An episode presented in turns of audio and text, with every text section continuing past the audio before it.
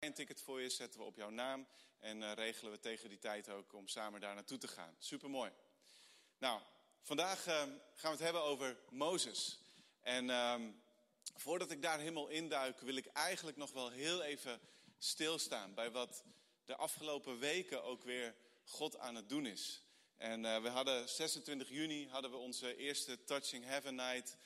En dat was vurig. Dat was mooi. Mensen kwamen om voor zich te laten bidden, werden vervuld met de Heilige Geest. En toen hadden we een week later hadden we No Limits hier. En uh, ik was in Heerenveen, maar uh, man, wat was het geweldig hier. En het was zo bijzonder. Ik kreeg de, uh, zondag kreeg ik, uh, en die komen dan via de site binnen, van tieners verschillende gebedspunten. Waar zo hun vuur en hun passie uitspreekt en hun moed om uit te stappen. En mag ik bidden voor klasgenoten op het zeilkamp en misschien zelfs wel voor genezing. En oh, een vriend van mij heeft het moeilijk. Kun Zo verschillende gebedsverzoeken. Zo ontzettend mooi. En ook in Heerenveen, uh, de eerste dienst live met spreken en worship en alles erop en eraan. En het dopen, weet je, het was vol kracht. Het was prachtig. Dus zullen we God een heel groot applaus geven. Om Hem te eren. Dank u Heer. Dank u Heer.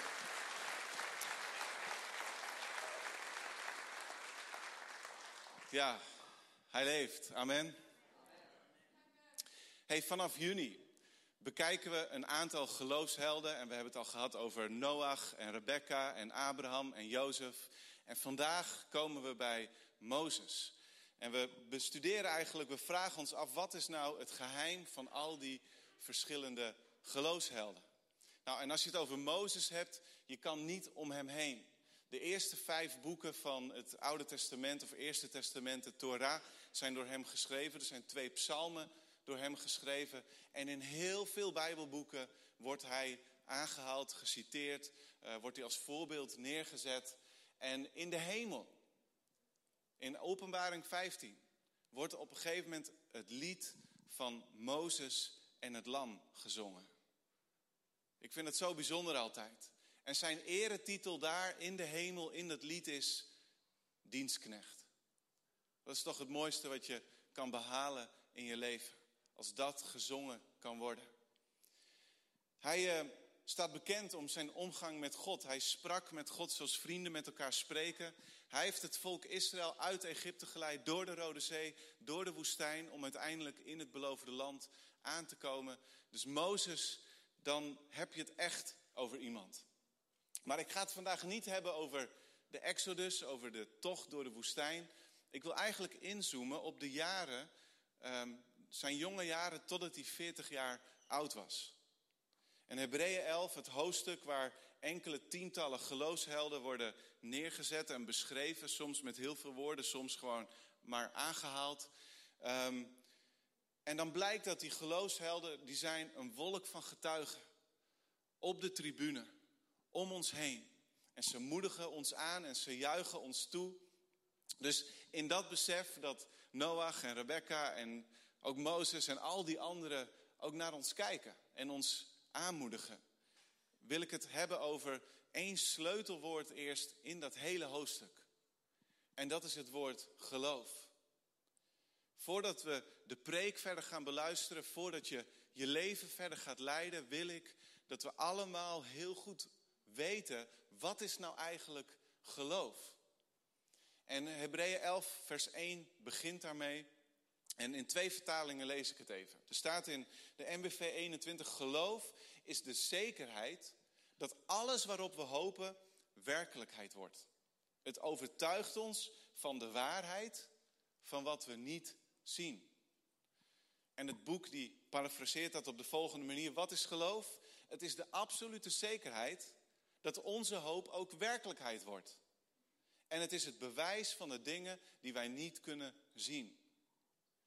Het Griekse woord voor geloof daar, pistis, dat betekent aan de ene kant geloof en vertrouwen en aan de andere kant ook trouw, betrouwbaarheid.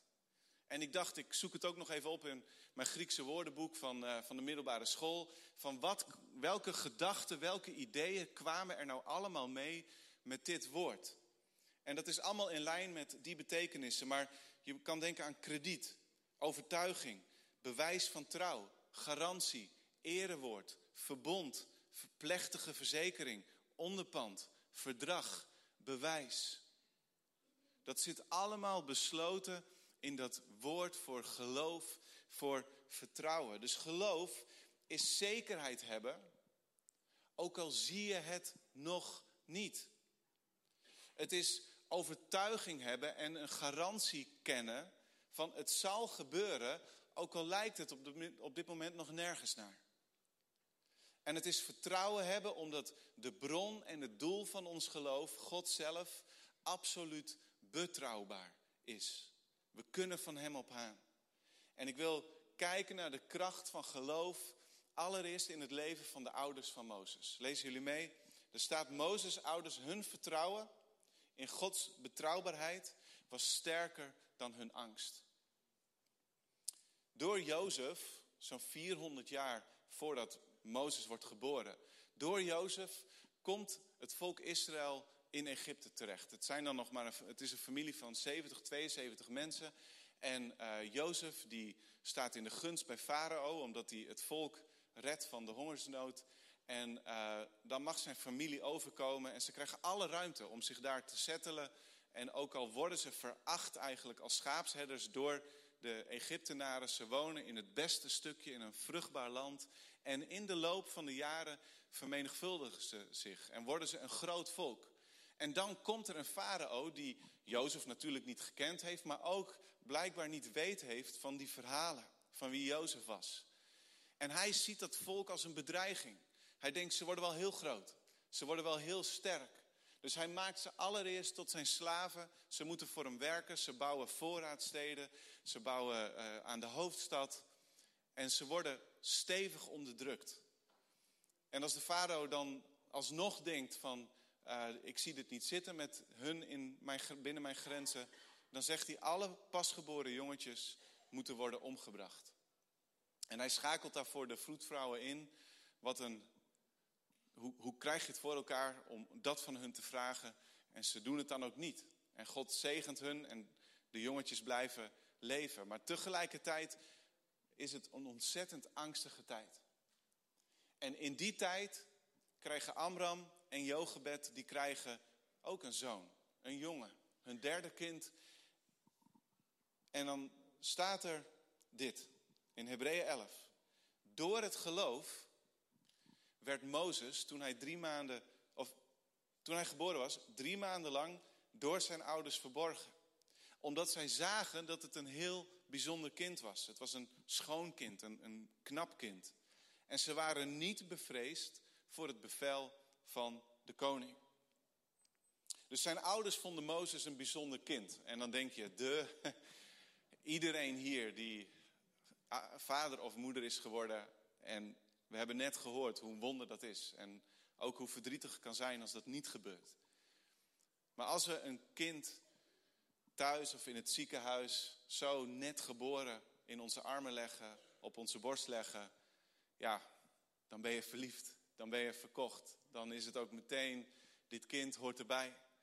Dus dit voelt een beetje als een overbodige opmerking, maar er zit wel iets meer betekenis aan. En je ziet in sommige handschriften, met name in, bij Handelingen 7, dat het kind niet zomaar mooi, schoon was. Maar, lezen jullie mee, Handelingen 7, vers 20. Te dien tijde werd Mozes geboren en hij was schoon voor God. Schoon voor God. En dat betekent eigenlijk dat God een, uh, of dat Mozes ouders, die zagen dat God een roeping voor het leven van deze kleine jongen had. Volgens Flavius Josephus, een, een, Joodse geschiedschrijver, die werd geboren in 37, 38. Hij overleed in 100 na Christus. Maar Flavius Josephus die beschrijft dat God in een droom aan Amram de vader liet zien dat Mozes de bevrijder van Israël zou zijn.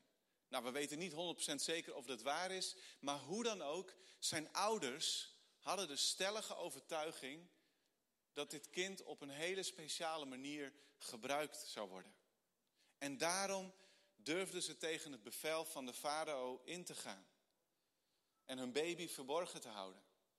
Maar na drie maanden lukt dat niet meer.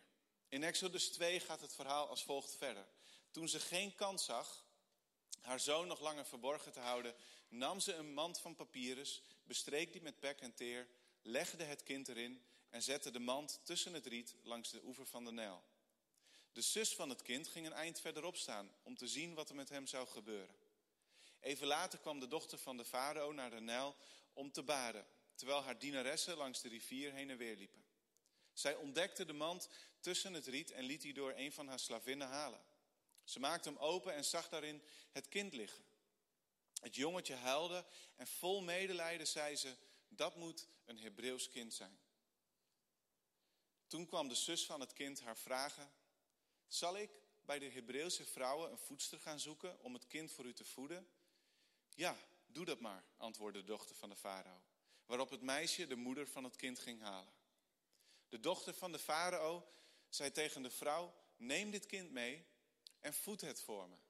Ik zal u ervoor betalen. De vrouw nam het kind mee en voedde het. Toen het groot genoeg was, bracht ze het naar de dochter van de farao. Deze nam het kind aan als haar eigen zoon en ze noemde hem Mozes. Want, zei ze, ik heb hem uit het water gehaald. Dus wat een geloof. Jochebed die vertrouwt haar zoontje toe, niet zozeer aan het water van de Nijl en aan de willekeur van het lot en oh oh oh wat er gaat gebeuren, maar ze vertrouwt hem toe in de handen van een betrouwbare God, waarvan ze de verhalen kent, waar ze nog steeds van overtuigd was en ze vertrouwt haar kind aan hem toe. En dan is het bijna humor van God dat het zo wordt geleid dat de dochter van de farao zijn eigen moeder gaat betalen om voor hem te zorgen. En het heeft een paar jaar geduurd. Zo geduurde een aantal jaren en, en verschillende, uit verschillende bronnen blijkt, het heeft misschien wel vier, vijf, mogelijk zelfs zes jaar geduurd dat Mozes opgroeide in het huis van zijn ouders. Als een klein kind. En daar hoorde hij, in dat huis, de oude verhalen. Hij hoorde over de God van Abraham, Isaac en Jacob. Hij hoorde dat er een belofte was voor zijn volk. Hij hoorde dat, ook al werden ze onderdrukt in Egypte, dat niet Egypte hun bestemming was, maar dat het beloofde land, Canaan, hun bestemming was. Hij hoorde over, over wonderen. Hij hoorde over alle beloften die werden gedaan. En daar leerde hij ook over de liefde van de enige ware God. En hij kreeg er ook al iets mee van de verdrukkingen en het lijden van zijn volk. En als je mij vraagt naar het geheim van Mozes, dan kan ik niet één antwoord geven. Maar ik denk dat een van de aspecten van dat geheim absoluut is wat er gebeurde in die eerste jonge jaren in zijn leven. En je hoeft niet alleen maar ouder te zijn, maar we kunnen allemaal op de een of andere manier bouwen aan het fundament wat in het leven van een heel jong kind wordt gelegd.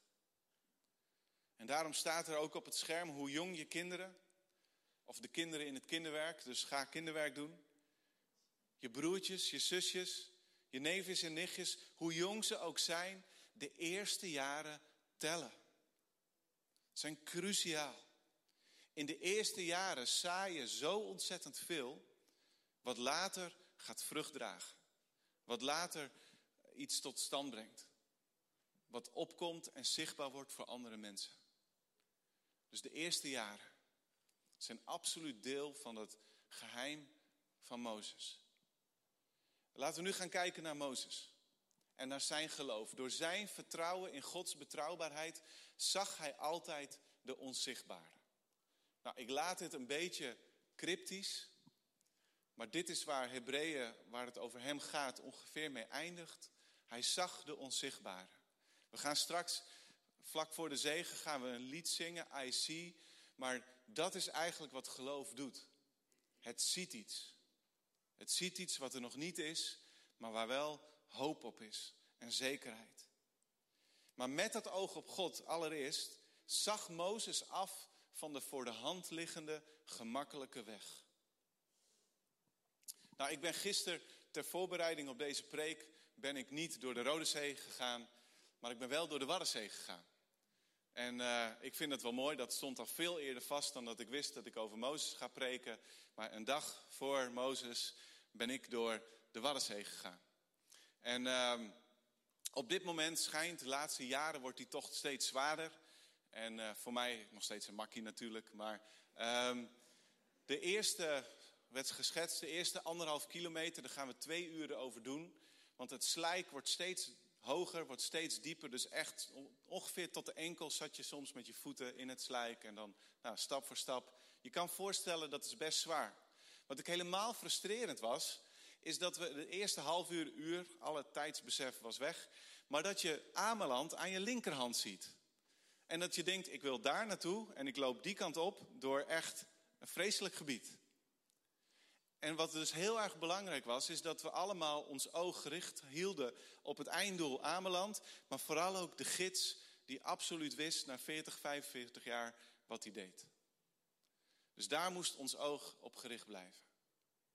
En we hebben het allemaal gehaald. Mijn vader liep mee en een vriend van hem die, ze, die mij ook al kent, uh, mijn hele leven. Heel bijzonder, vrienden die ik al heel lang heb. En um, super om dat samen te doen. Maar um, het was een moeilijke weg. En als iemand ervaring heeft met kiezen tussen een gemakkelijke en een hele moeilijke weg, dan is het wel Mozes. Want wie was nou de man die op 40-jarige leeftijd besluit om op te komen voor zijn volk? We beginnen in Handelingen 7, vanaf vers 21. Toen hij, dat is Mozes, te vondeling werd gelegd, ontfermde de dochter van de farao zich over hem en liet hem opvoeden als haar eigen zoon. Mozes werd onderwezen in alle kennis van de Egyptenaren en werd een machtig man in woord en in daad. Dus Mozes die groeit na de eerste jaren van zijn leven op in het paleis. En Egypte was op dat moment een van de meest, misschien wel de meest ontwikkelde beschaving van die tijd. En het allerbeste van Egypte werd uitgegoten in het leven van Mozes. Hij heeft onderwijs gekregen in verschillende talen. Hij kon hieroglyphen schrijven. Hij kende de filosofieën en de wereldbeschouwingen van die tijd. Hij werd onderwezen door, daarin. Hij kende iets van de wetenschappen, maar ook van gevechtskunde en oorlog voeren en strategieën en zoveel meer. En een oud boekje over Mozes, de dienstknecht van God, wat volgens mij ergens eind 19e eeuw of begin 20e eeuw uitkwam, die, die beschrijft dat heel mooi. Hij werd grootgebracht in het paleis en behandeld als de kleinzoon van Farao. Als hij door de straten reed, zou het in een prinselijke uitrusting zijn, terwijl er werd geroepen, kniel neer. Als hij op de Nijl voer, zou het in een gouden boot zijn, onder de tonen van muziek. Als hij ook maar iets wenste, lag de bijna onbegrensde rijkdom van Egypte binnen zijn bereik. En Josephus, die ik net al noemde, die beschrijft dan op een gegeven moment dat Egypte wordt aangevallen door de Ethiopiërs. En uh, ze doen dat heel erg slim. En dan vragen de Egyptenaren Mozes om de slag te leiden. En Mozes gaat heel slim te werk. Zo slim dat de Ethiopiërs verpletterend worden verslagen. En Mozes keert vol triomf terug. Dus wat Handelingen zegt is helemaal waar. Machtig in woord en in daad. Mozes was een prins. Mogelijk zelfs de beoogde opvolger van de farao, want waarschijnlijk was deze farao zijn eerste drie kinderen verloren en Mozes moest het nu worden. En hij werd geëerd als een held. Hij hoefde maar met zijn vingers te knippen en zo'n beetje alles wat hij wenste kon hij krijgen. Hij was onbeschrijfelijk rijk, machtig en invloedrijk. Zo groeide hij op. En toen werd hij veertig. En dan gebeurt er het volgende. Lezen jullie mee. Door het geloof heeft Mozes, toen hij groot geworden was, geweigerd een zoon van de dochter van de farao genoemd te worden. Ik wil dat we beseffen hoe ongelofelijke keuze Mozes heeft gemaakt. En hij had ook nog op heel veel mooie geestelijke manieren kunnen beredeneren waarom hij in het paleis moest blijven. Want God had hem daar toch gebracht. Gered uit een mandje. Zo op een invloedrijke positie. Hij kon misschien niet zijn volk bevrijden, maar hij kon misschien wel iets doen aan hun situatie en omstandigheden vanuit het paleis. Dus de verleiding om daar te blijven was super groot. Bovendien, hij was een soort van zoon van de president, miljardair. Hij kon alles maken wat hij ook maar wilde. En dan ziet hij daar iets gebeuren. En hij had zich misschien nog wel eens herinnerd. Zijn volk, zijn ouders, hoe die leefden, waar ze onder leden. En dan maakt hij een hele moeilijke keus. Dus alleen door te beseffen wie Mozes was op 40-jarige leeftijd, kunnen we eigenlijk de verstrekkende gevolgen van zijn keuze echt begrijpen. Hij zag af van de gemakkelijke, voor de hand liggende weg. En lezen jullie mee, met het oog op God koos Mozes voor onbegrip en verdrukking in plaats van de gemakkelijke, snelle beloning. Dus we gaan nog ietsje meer inzoomen op de beslissing die Mozes nam. Er staat in Handelingen 7 vanaf vers 23, toen hij 40 jaar was, besloot hij zich te bekommeren om het lot van de Israëlieten, zijn eigen volk. Op een dag zag hij dat een van hen werd mishandeld door een Egyptenaar. Waarop hij de man, wie dit onrecht werd aangedaan, te hulp schoot en wraak nam door de Egyptenaar te doden. Hij meende dat zijn volksgenoten zouden begrijpen dat God hen door zijn toedoen wilde bevrijden. Maar ze begrepen dat nog niet. Dus Mozes is 40 jaar en mede door het Nieuwe Testament wordt duidelijk dat hij reageert hier niet puur emotioneel en uit woede. Hij is volwassen geworden en hij had in Egypte macht, rijkdom, eer, status, populariteit. Het kon eigenlijk alleen voor hem nog maar beter worden. Maar van binnen is hij de eerste jaren niet vergeten. Van binnen merkt hij nog iets van die God, van dat onderdrukte slavenvolk Israël. En hij weet dat het succes, de wilde, het sensuele genot van de wereld, die zijn niet de waarheid. Die zijn niet voor eeuwig belonend. Door geloof ziet hij iets wat er nog niet is. Is hij zeker van een andere toekomst?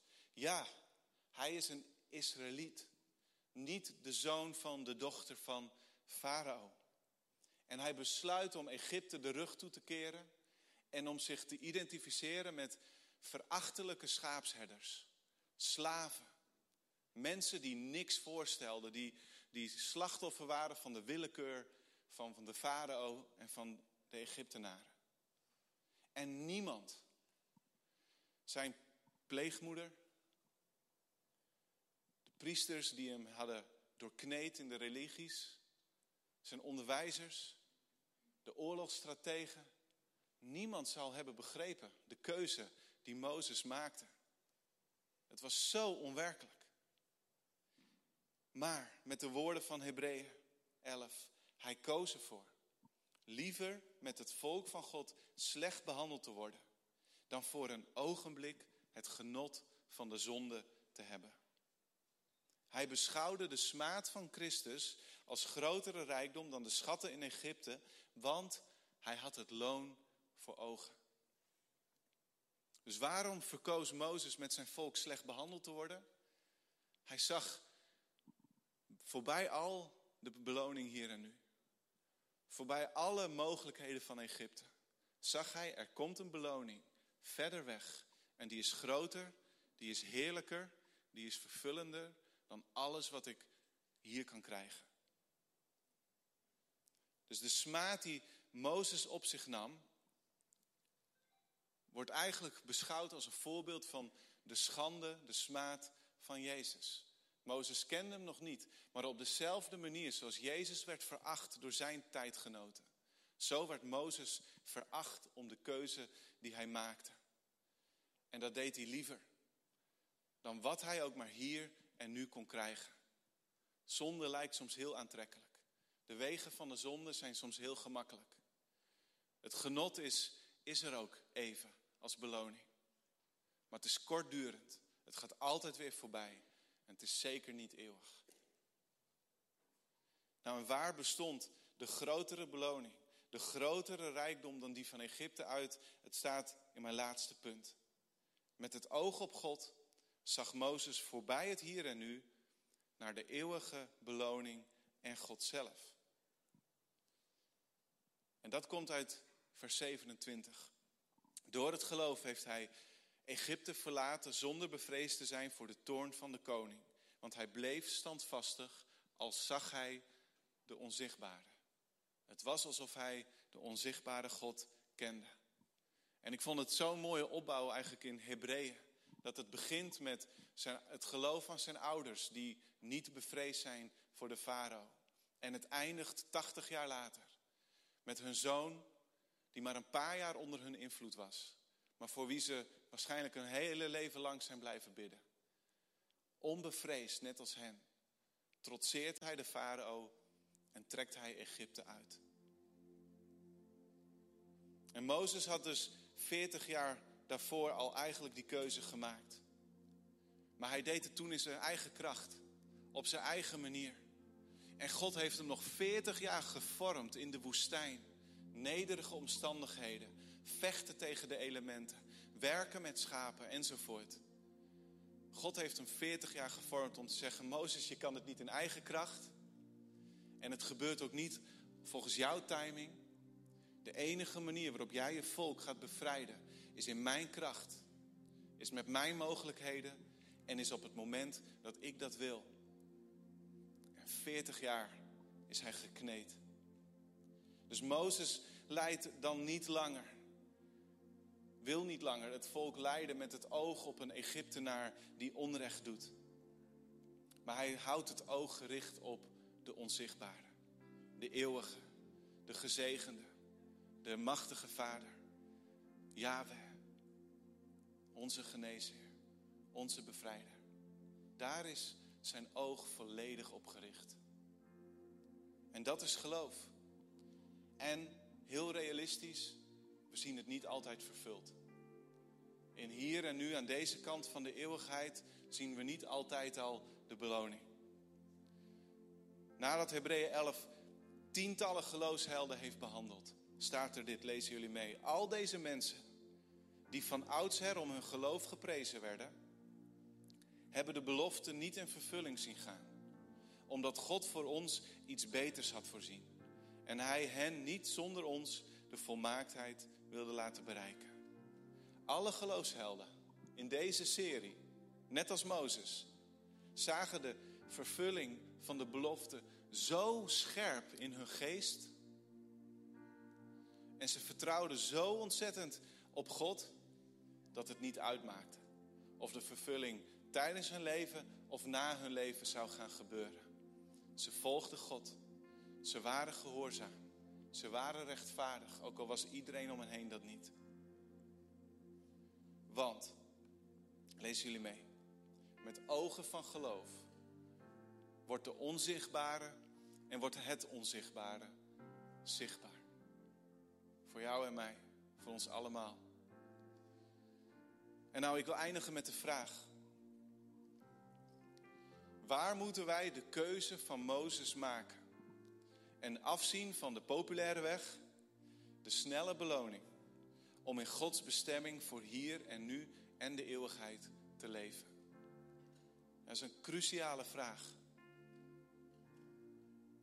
En als je denkt het is onmogelijk voor mij, want het gaat me allemaal zo gemakkelijk af zoals het nu allemaal gaat.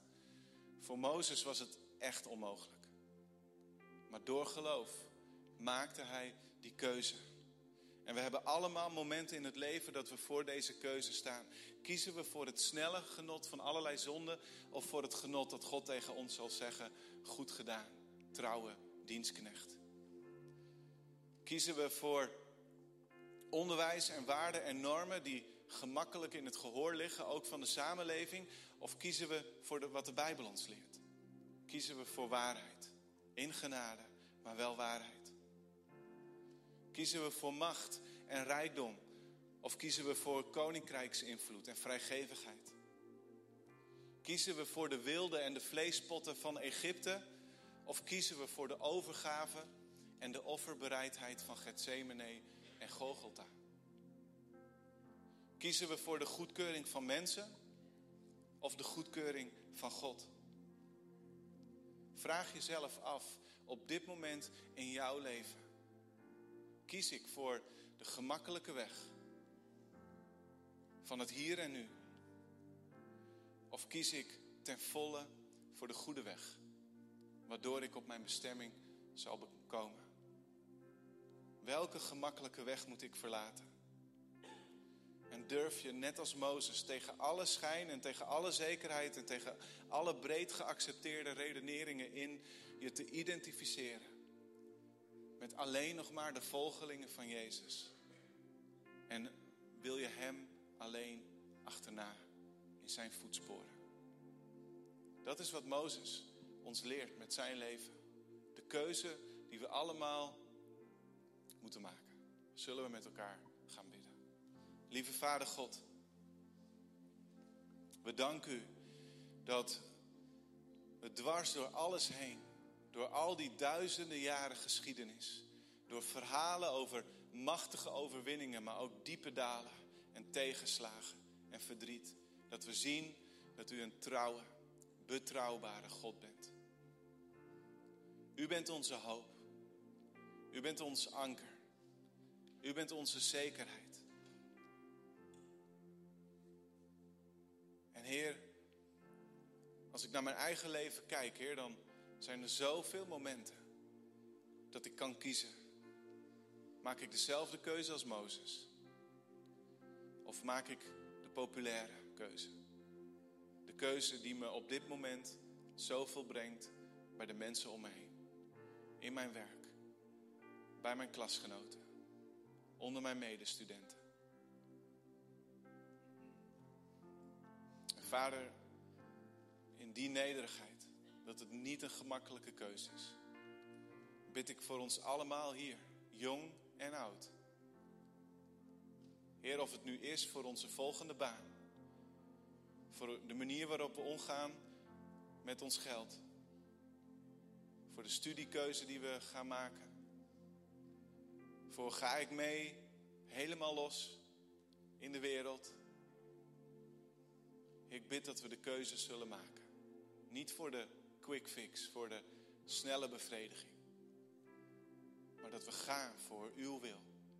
En voor u alleen. En ik bid uw zegen over iedereen hier. Heer, om allereerst hun weg op u te richten. Om, ik bid dat Iedereen die dat nog niet heeft gedaan, Heer, vandaag een keuze zal maken om zich te identificeren met U alleen. Jezus is jouw redder. Hij is jouw Heer. Hij is goed. Hij maakt je mooier. Hij maakt je sterker. En ik bid, Heer, dat als we ook die keuze hebben gemaakt, dat we waar nodig een koerscorrectie maken. Jezus' naam. Amen. We gaan staan. We gaan God aanbidden. En terwijl we zingen, in, in ieder geval op drie hoeken in de zaal, staan mensen die ook voor jou willen bidden. En ik wil je gewoon vragen om vandaag misschien een keuze te maken voor Jezus. Om dan iemand op te zoeken die met jou naar God kan gaan, voor je kan bidden, om die keuze te bevestigen. Ik wil je uitnodigen om als je als je beslissingen moet nemen en je hebt Gods wijsheid nodig of je wilt net ze maken zoals Mozes, kom gewoon. We, we bidden graag voor je, we denken graag met je mee, ook na de dienst. Er zijn mensen voor jou. Maak gebruik van deze gelegenheid. Laten we staan, God aanbidden, we kijken op Hem en voel je vrij dus om naar de hoeken van de zaal te gaan.